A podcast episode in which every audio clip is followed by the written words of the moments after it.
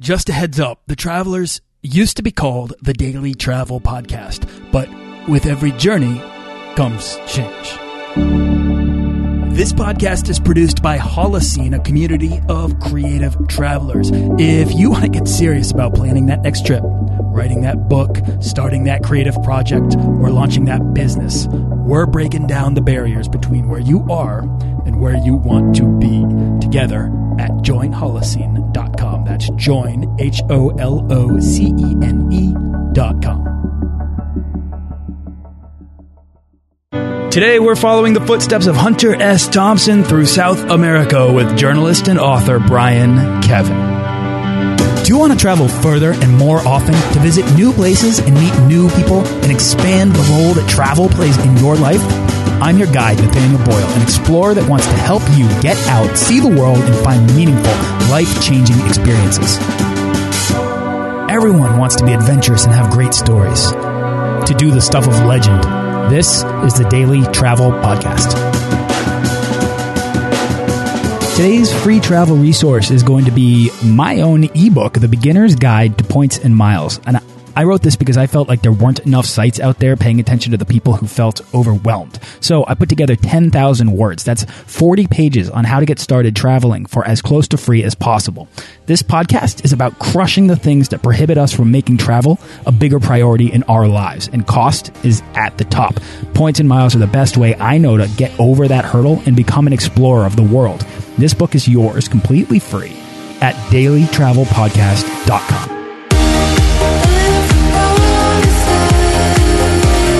Today's guest is the author of The Footloose American, which is a travel log following the trail of Hunter S. Thompson across South America. And that's a trip I was not even aware that he ever took. Uh, that Brian recreated, studied, pulled out the uh, stories from, and has become an expert on. And I'm actually really curious about that trip and how that changed him uh, and what sort of stories he took home. Brian Kevin has written about travel, adventure, and culture for Outside, Sierra, Men's Journal, and uh, Travel and Leisure. Uh, he currently lives in Maine, uh, where he's calling in from right now. And we're just going to get right into this trip because I want to know all about it and how a book comes out of a trip like that. So, Brian Kevin, uh, welcome to the Daily Travel Podcast. Hey, thanks so much for having me. I'm thrilled to have you on because this is a really kind of a unique uh, episode, I think, because of the just the nature of the trip that you took. Uh, it's atypical to I think to the normal the, the person that came comes on here and is either you know talking about uh, perpetual travel or travel blogging or um, you know some sort of location independent skill set. This is a trip in which you came home and put together a book around. Um, so I'm kind of ex excited to hear about that. Uh, so I kind of gave a brief overview of who you are, but if you could just tell us about yourself, you know, who are you and yeah. how did you get started traveling? yeah, I'm a guy. I'm uh, I'm 34 years old. I live in Damariscotta, Maine. Um, although I'm not from Maine, I grew up in the Midwest. I lived out west for a few years. My wife brought me out here a few years ago. Uh, at the moment, I'm a magazine editor here in Maine, although that is a relatively recent development. I was a full time freelancer for the better part of 10 years up until this May. Uh, often writing about travel uh, and outdoorsy sort of pursuits, uh, but not always.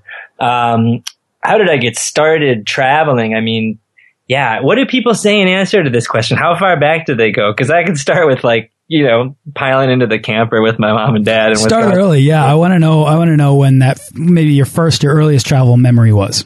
Yeah, well, I give them a lot of credit for that. Actually, I mean, uh, early travel memories are definitely like car camping with mom and pop, good like lower middle class family from central Wisconsin, piling into the pop up, you know, that had to have been secondhand.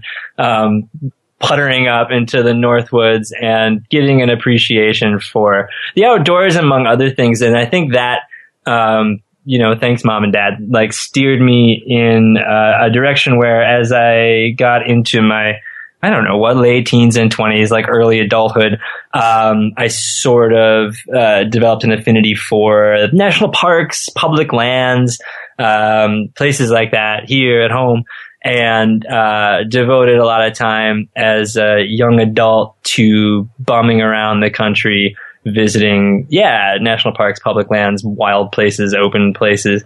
Um, and uh, you know, I guess that sort of launched like the question that everybody who finds something they love at a certain point starts saying, which is like, how can I do this as a career somehow? right, right. So let's before we answer that question, what was it about national parks that, or, or even just the being in the outdoors? Was it the uh, solitude? Was it the natural beauty? Was it the adventure? Was it the escape? Mm, yeah, it's going to be hard to answer this question and not like put a retroactive spin on it because now I've come to appreciate so much the history and the sort of social and political mindset that allows a group of people um, to get together and say we are going to set this space aside and you know try as best we can to keep from screwing it up or affecting it in negative ways or even any way. Um, and I do a lot of reporting today on public lands policy. And maybe that interested me when I was 19, but also uh, putting on a backpack and getting away from people uh, was a pretty was a pretty big draw.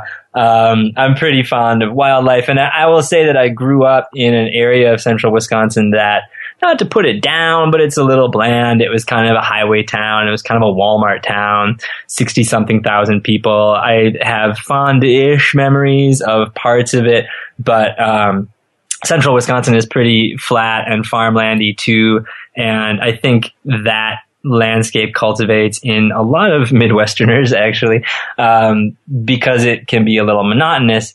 Um, a desire to like take in as many uh, various um, sort of landforms later in life as as one can, and like what's better than knocking them off the list by visiting national parks? I shouldn't say only national parks, but um, you know, sort of open spaces. Landforms could be a metaphor for many things right there. Uh, because I would imagine, at what point did you become curious of other cultures or of other countries or of other, you know, the, the, the wider world? Oh yeah, that's a pretty decent question. Gosh, I don't know. I guess probably as a college student, um, you know, that's the time for a lot of people, whether you're in college or not, probably when you find yourself being suddenly exposed to like, you know, world literature, um, you know, culture in other forms, maybe film, maybe music. You know, I got super into world music as a, uh, as a, you know, 20, 21 year old. And yeah, then that sort of trips you a trigger to start going out there and seeing some of it firsthand. My first experience traveling abroad, like maybe a lot of people in my sort of like middle class background,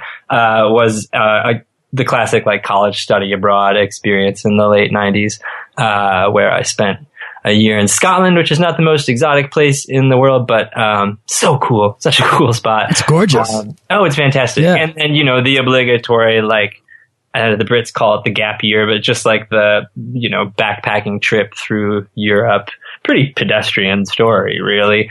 Um, but Scotland, I guess, as I told uh, another interviewer a while back, um, like I I was there on the super duper cheap um, uh, you don't need the gory details, but I was in this program with a bunch of students from other colleges in Wisconsin. And I would say that like the majority of them probably had more money than I did. Not like copious amounts, Scrooge McDuck amounts of it, but, um, we're just like probably didn't have to travel quite as frugally as I did. Um, and I spent that time abroad, that first kind of formative experience abroad, um, you know, scrimping and like doing whatever I could to, to maximize my amount of experience while minimizing my costs. And so along the way, you know, one learns to do all kinds of neat stuff, um, including but not limited to like hitchhiking and finding, you know, free-ish places to stay. And, uh, what I've said in another interview recently, but is really true is that, um, you know, I think that prompts a realization, or it certainly did for me, um, nothing about like travel skills so much as just like, oh, hey, there's not a lot holding you back from going to the places you want to go. You know, it's, uh, it, it can be done with minimal resources, uh, you know, provided you're willing to put up with maybe some discomfort and use some ingenuity. Yeah. And once you have that realization, the whole world opens up, right? Absolutely. I was talking to somebody just yesterday who was saying,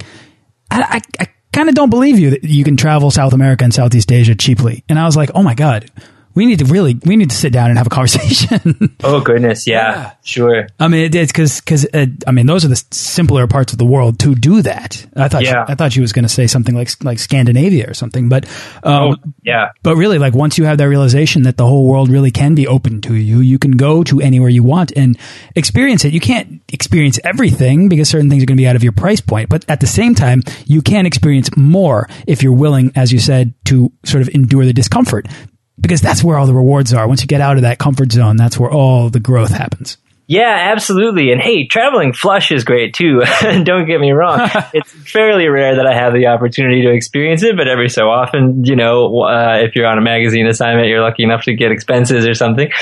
Um, but, uh, you know, I'm probably, uh, yeah, like you acknowledged a little earlier, a little different from maybe, uh, some of your more frequent podcast guests in that you know, I haven't like spent the last 34 years wandering the world nonstop. There's plenty of corners of this globe that I don't know a thing about or anyway firsthand. Um, a lot of the travel that uh, sort of helped me launch uh, career is such a funny word because I feel like I, I'm only like 12 years into it. I'm not quite ready to call it a career yet, but helped me make a living uh, writing about various things. Um, it's been domestic. A lot of it has been domestic. And uh, I don't feel particularly apologetic about that. This is a really cool country.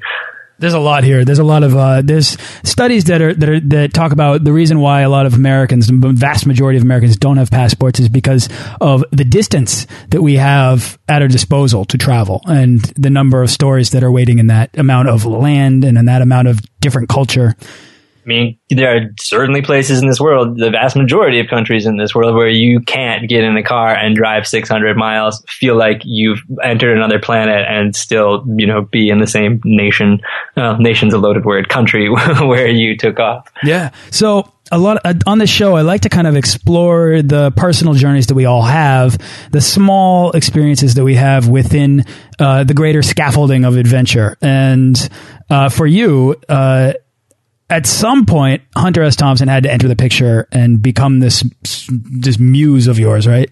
Yeah, muse might be kind of a strong word, but okay. definitely a writer I admire. The thing is, muse is kind of a loaded word with Thompson because, and for listeners that don't, you know, know a whole lot about Hunter S. Thompson, um, he, you know, published uh, a lot of great writing from the mid 60s till uh, the mid 70s. In my opinion, his later, in his later career, his writing suffered a little bit in uh, no small part because he was also widely known for his uh, flagrant substance abuse and sort of overall iconoclastic behavior, um, which includes like a fondness for uh, guns and public spectacle and a number of other things. Um, but so the word muse is a little strange in that context because whereas you could use it for somebody like uh, F. Scott Fitzgerald. Actually, that's probably not a great example. You could use it for uh, any number of other writers. And, you know, I know that you're talking about uh, admiring somebody's writing style or their reportage or whatever else. With Thompson, the line becomes really blurry because he is so well known as this pop culture, counterculture, uh, like comical dope fiend caricature, um, that sometimes you're never quite sure when you're talking with someone whether they're talking about Thompson the writer or Thompson the personality. Okay, interesting. So yeah, well, the Thompson, the personality seems to be this kind of quixotic, uh, stubborn, bombastic character, and I think that's yeah. the one that I'm familiar with. But that's because I'm not well read on of his stuff. So I, my uh, my Hunter S. Thompson opinion is is largely influenced by Johnny Depp's portrayal of him, for example. Which is how I first figured out who he was, which is probably true of a lot of people my age. I think I said before I'm 34, and uh, in the book I didn't quite remember the phrase that I used, but I think I said that the the Terry Gilliam adaptation of Fear and Loathing in Las Vegas was kind of like a dorm room classic in uh, the late 90s. And uh, that was definitely when I first said, "Who is this person?" And I think I grabbed, uh, you know, the book of Fear and Loathing in Las Vegas, which is easily Thompson's best known work.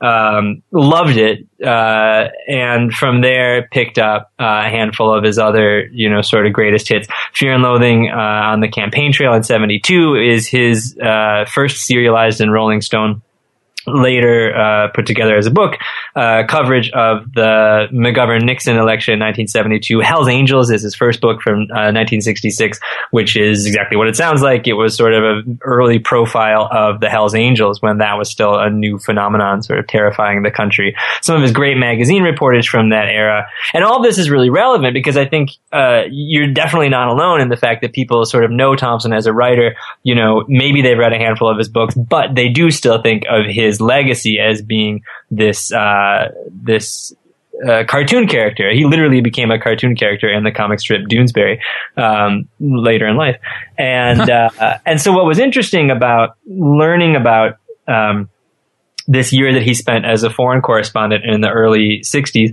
well before uh, he made a name for himself as a writer is also that it was uh, well before he developed this gonzo persona. And for, again, listeners who aren't familiar, gonzo journalism is the phrase that Thompson invented, um, in typical bombastic style to describe his own writing, which then really stuck and, you know, was sort of associated with him for the remaining 40 years of his life and still is. So, how did you hear about this trip of his in what was it, 1962, 63? That's right. Yeah, what? it's not a secret per se. Um, there's a collection of Thompson's letters called "The Proud Highway," which I just recommend anybody who's fond of uh, 20th century narrative nonfiction pick up. Um, it's his first. Uh, it's book of correspondence, so it's his letters, a selection of them, written from the mid 50s ish until I think till the time that Hell's Angels came out, and so that would be 67 or so. Um, and uh, there is a smattering of his letters from South America in that book. Even in that book, it only takes up, I don't know what, maybe 20 or 30 pages in the middle of the book. Uh, I want to say there's 16 or 18, maybe 20, uh, letters that he wrote back and forth from South America. I read that book not long after it came out, um, in the early 2000s. And, uh, at the time I was a recent college graduate. I was in this sort of shiftless place in my life. I was almost exactly the same age, I guess a little bit younger, as Thompson himself when he decided I'm going to pick up and head to South America because it's a place that a hungry young journalist can make a name for himself. At the time, it was sort of the front lines of the Cold War. There weren't uh, all that many, you know, bureaus or reporters down there covering it, and the guy, to his, you know, credit, thought I can go down there and write stories that no one else is getting and sort of launch uh, this career. I was in sort of the same spot. And so I think I was captivated a little bit by reading those letters. I also, as I read more and more Thompson, realized that it wasn't a part of his life people had paid any attention to. And uh, sort of wondered why not. And the answer really is because people were more captivated by this kooky drug and gun nut that came later. Um, but the thing is that I didn't pick up and go to South America at 22 or whatever that was. Um, I did a completely more sedate and uh, respectable. I'm making finger quotes um, route, which is that I got a magazine job and I, you know, sort of uh, cut my teeth as a journalist and uh, I got an internship, you know, and did all that sort of thing. I got married at some point. I went to grad school. Um, you know, kind of did all those, did all these things, um, with some, you know, interesting, uh, sort of adventures here and there. But on the whole, I was living a, not as, um, sort of glamorous, far flung lifestyle as Thompson, the 24 year old was. And, uh, there came a point years later, um, I guess uh, about five years ago now, where all of a sudden I didn't have a lot of those things anymore. I, I wasn't married anymore. I had this degree and a lot of student debt. Uh, I didn't have a job. I was sitting in a coffee shop in Missoula, Montana, where uh, I had been in grad school and feeling shiftless and thought, I'm going to go back and do that thing that I didn't do when I first wrote about it, which is uh, check in on this journey of Thompson's and maybe try and do the same thing he did, which is like launch something, right? So, what was it specifically about the trip, the experience to Thompson that compelled you to replicate the experience in the form of a pilgrimage almost. Yeah, if I'm okay, so there's there's the like romantic answer to that question, and then there's the the practical and brutally honest and somewhat disappointing answer to that question. I, I only want the good stuff here, and they're intertwined. But uh, I mean, you know, the, I I precede the more romantic answer by saying that certainly I had a cutthroat enough mindset as a writer that I was like, you know, maybe there's a book there, or maybe there's a killer magazine article. In any case, maybe there's like a writing project there because it's this part of his life that nobody had paid attention to. But uh, the more romantic and equally true answer is that um, there's a really tantalizing quote that sort of becomes the backbone of the book, and uh, I should just have it in front of me. Um, I'm going to paraphrase it. Maybe I'll nail it, but I'm coming pretty close in any case. Uh, where Thompson wrote home at one point and said, you know, the main thing I've learned in South America, the main thing I've picked up down here is that I now understand why uh, the U.S. will never be everything that it could be or everything that it tried to be. Um, and so he makes this pronouncement at one point that he understands his own homeland better uh, on account of having spent this year, uh, you know, traversing the continent. And if I'm honest, I think probably I wanted, I wanted maybe some of that realization for myself, but I also wanted to try and answer the question, which is like, how does that work? Like, how do you learn more about where you're from by going away from it and uh, inspecting at close range you know, someplace completely foreign. Does that make sense? It does make sense to me. Um, the lessons that I've taken away and the appreciation that I have for being from the place that I'm from, uh, I, I, it only grew fonder when I put distance between myself and the place that I had been taking uh, for granted my whole life. But what's what's interesting about what you're saying is that it's almost as if Thompson's coming at it from a different perspective. He he moved away to understand it uh, from a critical perspective. Yeah, it's true. Um, and I don't know that understanding the United States was uh, was part of his mission when he, you know, took off for the continent. Um, but this is a guy who later sort of self-proclaimed and then others proclaimed around him his beat to be, uh, quote, the death of the American dream. It's a phrase that's often associated with Thompson. And so for this guy to say that he sort of realized why America can't live up to his promise during this year that he spent abroad, it was like, well, let's, uh, let's figure out how that happened, you know? Yeah. And, uh, you know, it was also the sort of thing where, uh, the, the notion of just picking up and, and uh, getting away was was kind of appealing. Um, I had some crappy Spanish skills that I wanted to test, and uh, confirmed that they are indeed crappy.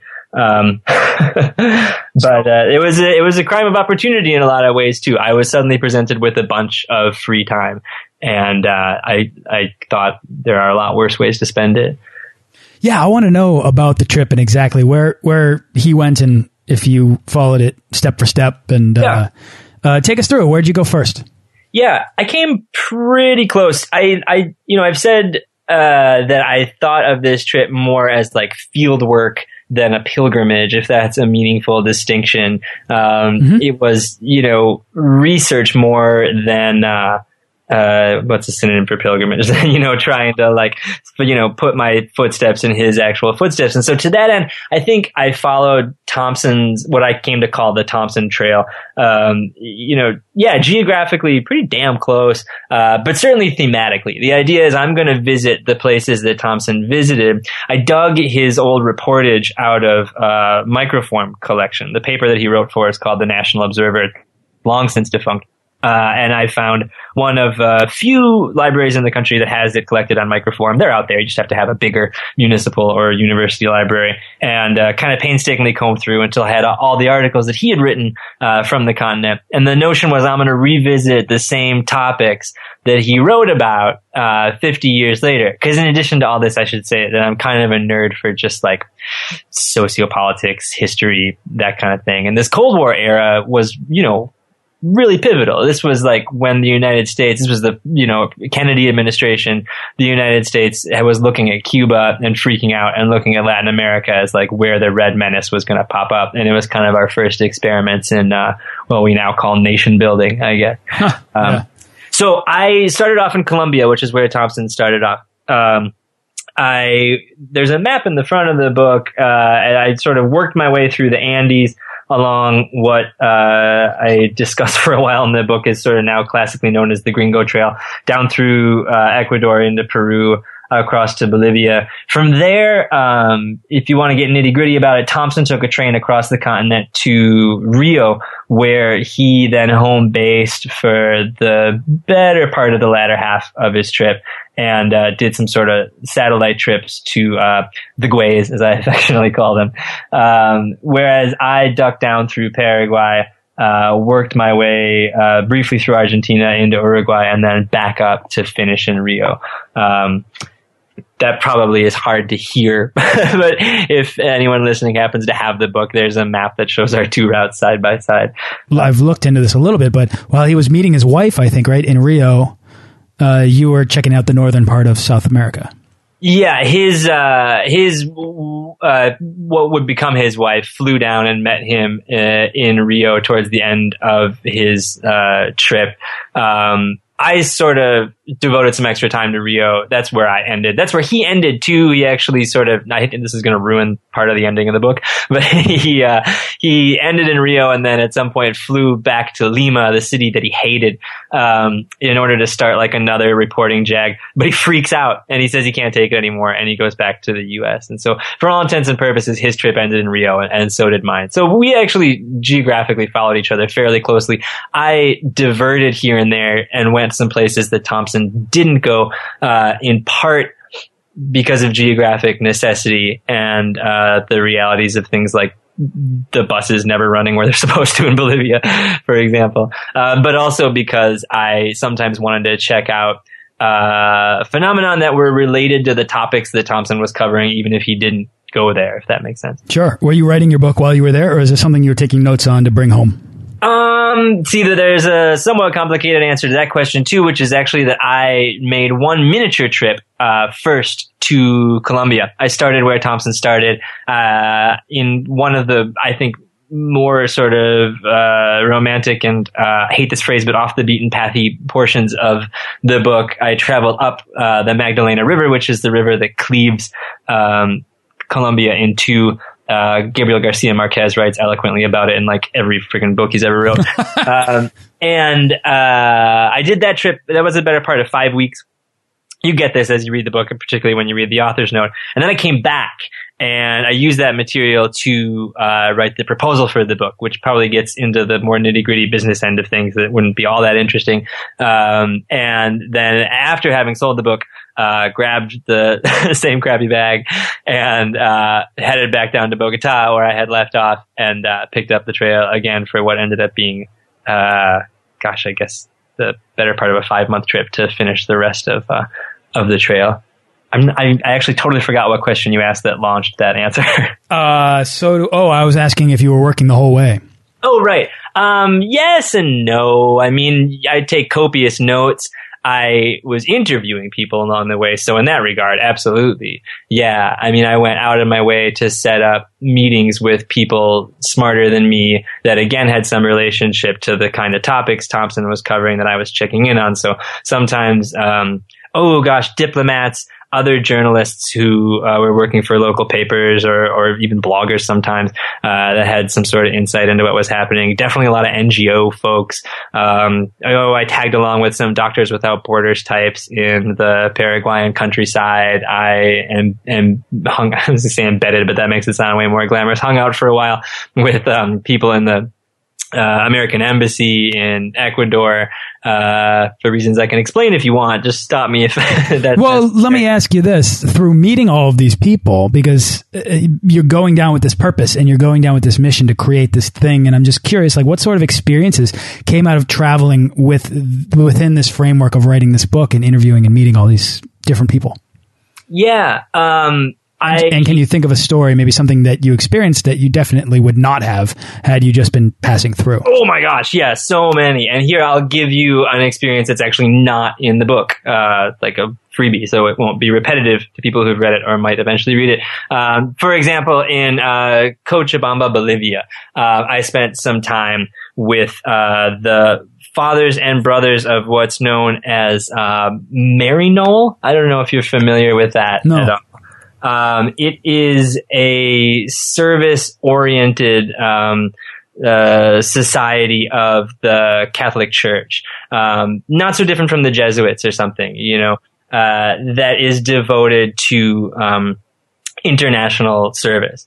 And Thompson wrote flattery, uh, flatteringly about the Maryknoll brothers um, while he was traveling uh, and had some things to say about the role that they were playing, um, sort of helping awaken the social consciousness of like the um, largely indigenous and, and mestizo uh, folks in the Andes, Peru and Bolivia the Maryknoll brothers and fathers, for example, are were really uh, pivotal to the spread of what they call liberation theology, which was kind of a dirty word in the Catholic Church for a long time. The new pope is sort of bringing it back, but this idea that Christianity could be this like radicalized force that really, in a lot of ways, shaped Latin America. So I got to hang out in their, you know, uh, we, we don't call it a monastery, but like their grounds, their campus uh, for a couple of days and have these kind of amazing conversations with um, some older fathers who have been working in Latin America in some really rough spots uh, for the better part, some of them of 40, 50 years. And these are guys who I think um, in their day, there, if you wanted to do service work abroad, you know, the NGO sphere didn't exist in 1962 um, like it does today. Uh, certainly, the voluntourism, you know, wasn't a thing. Uh, if you wanted to work abroad in some sort of a service capacity, the Peace Corps, for example, had, was on its very first year when Thompson was traveling the country, and that actually becomes a big theme of the book. Um, there weren't a lot of ways to do it other than like joining the church. So these are guys that became priests. Um, you know, in large part because they wanted to work with uh, people in what we now call the developing world. Um, and they might not have otherwise been priests. They certainly didn't come to the church for the same reason as like your local parish priest, right? They have a completely different experience uh, of their religion and of sort of service work abroad that is now such a characterizing, you know, you can't, there's very few places in the world where you can't find a gringo trying to help somebody now. Um, and these guys have, uh, a really unique take on that. They opened their doors and their hearts and their brains to me for a few days. And like, yeah, kind of thing I never ever would have, uh, stumbled upon if I wasn't like purposefully following this Thompson trail. Fascinating. What, well, I'm just curious what happened with you and them um, we had a lovely uh, couple of afternoons hanging out in, in Cochabamba. They taught me an awful lot. I had, for a while after I got back, stayed in touch with one of them who was from Montana, which is where I was from when I started this project. Um, and, uh, it didn't end up making it into the book for like stupid writerly reasons. Like my Bolivia chapter was running long. It didn't fit thematically with some of the stuff that I started doing in that chapter. Uh, and it just, you know, like, uh, anybody who has written long things and had to cut them down we'll tell you became something that ended up on the cutting room floor. But uh, kill your babies, right? Kill your babies, and I think, uh, but these guys really like helped inform the way uh, that I look at.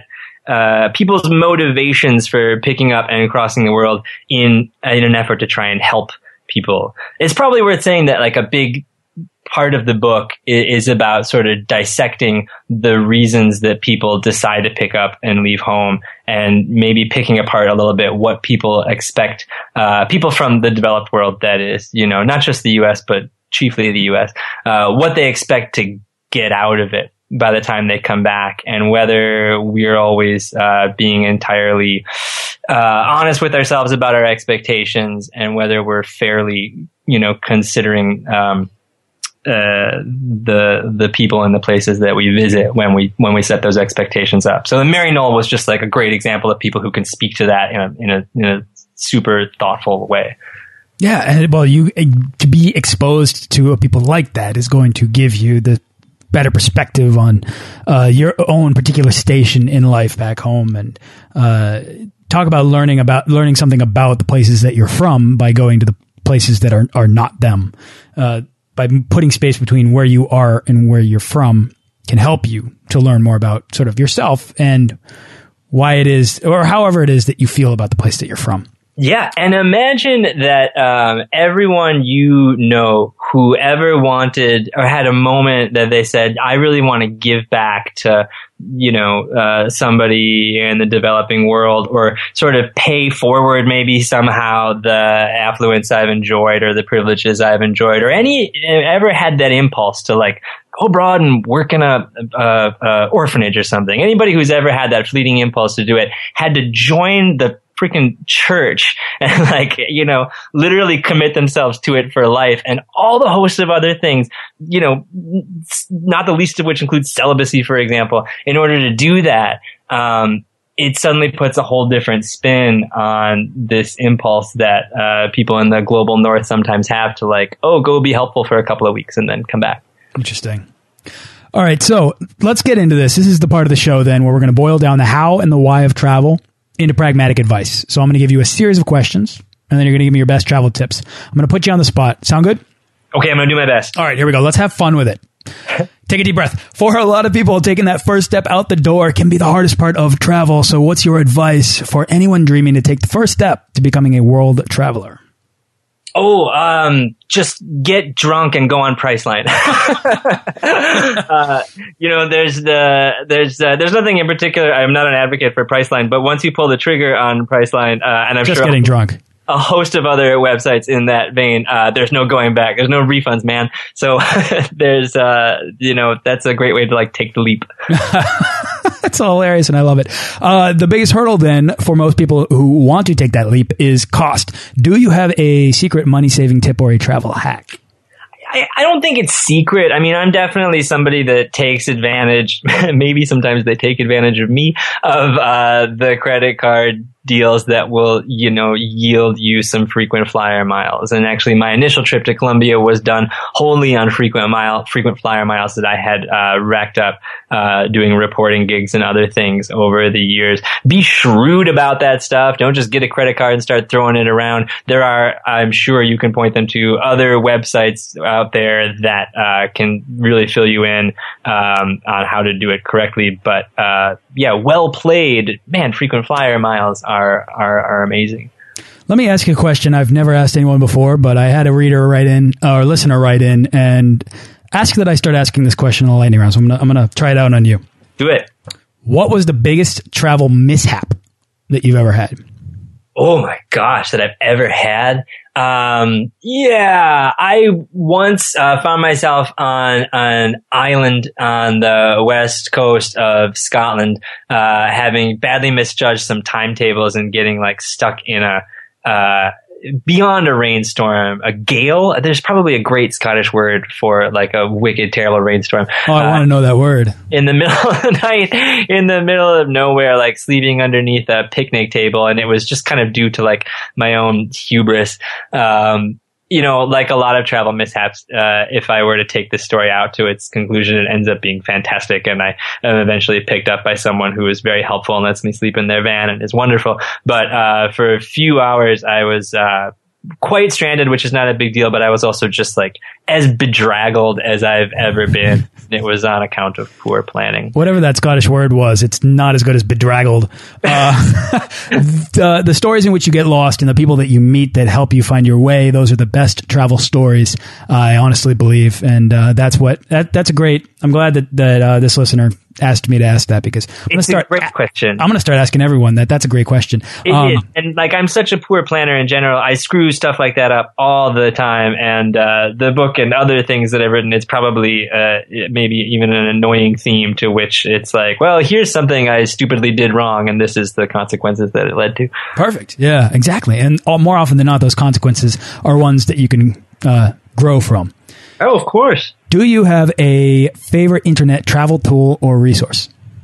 Um, you know what I'll say in answer to this actually is uh, I sort of love the digitized Google Books, and this isn't helping you in a way that's particularly practical, although I think it is. I love the fact that you can find public domain texts from, um, you know, like anything from 80 to like 300 years ago in digitized format on the internet Uh, my wife and I went to Cyprus, for example, uh, last winter, northern Cyprus, Turkish Cyprus, people sometimes call it. And uh, I was able to just find a bunch of digitized books by like early uh, British explorers in the colonial era and and well before that and uh, just kind of nerd out on history in a way that you just like you couldn't do without extravagant effort even 25 30 years ago and show up and suddenly have a frame of reference for these places that's a clever uh, answer though i mean it's a massive library that can literally be in your backpack if you have a tablet or reading off your smartphone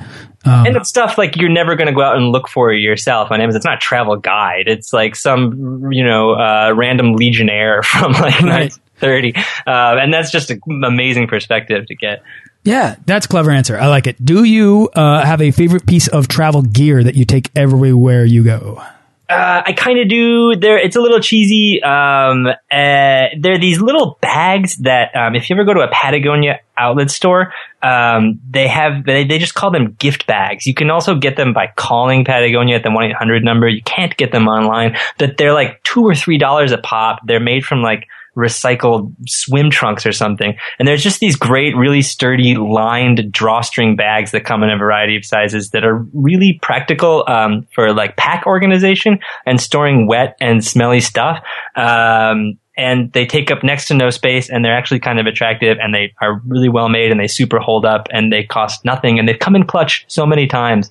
Patagonia gift bags. That's my weird random answer to that. Clever though. I like it. I always, in, when I'm in a hotel or something, I'm always taking the uh, plastic bag that's in the that's in the closet, you know, for your dirty laundry, and instead of giving it to the uh, laundry service, I'm just putting it in my bag, and that's where I keep my dirty laundry. Yeah, those things hold up. That's yeah, yeah, they do. But I, I like this because I'd never even heard of Patagonia gift bags. Cool. Uh, all right, last question then of the round. What's the weirdest thing you've ever eaten?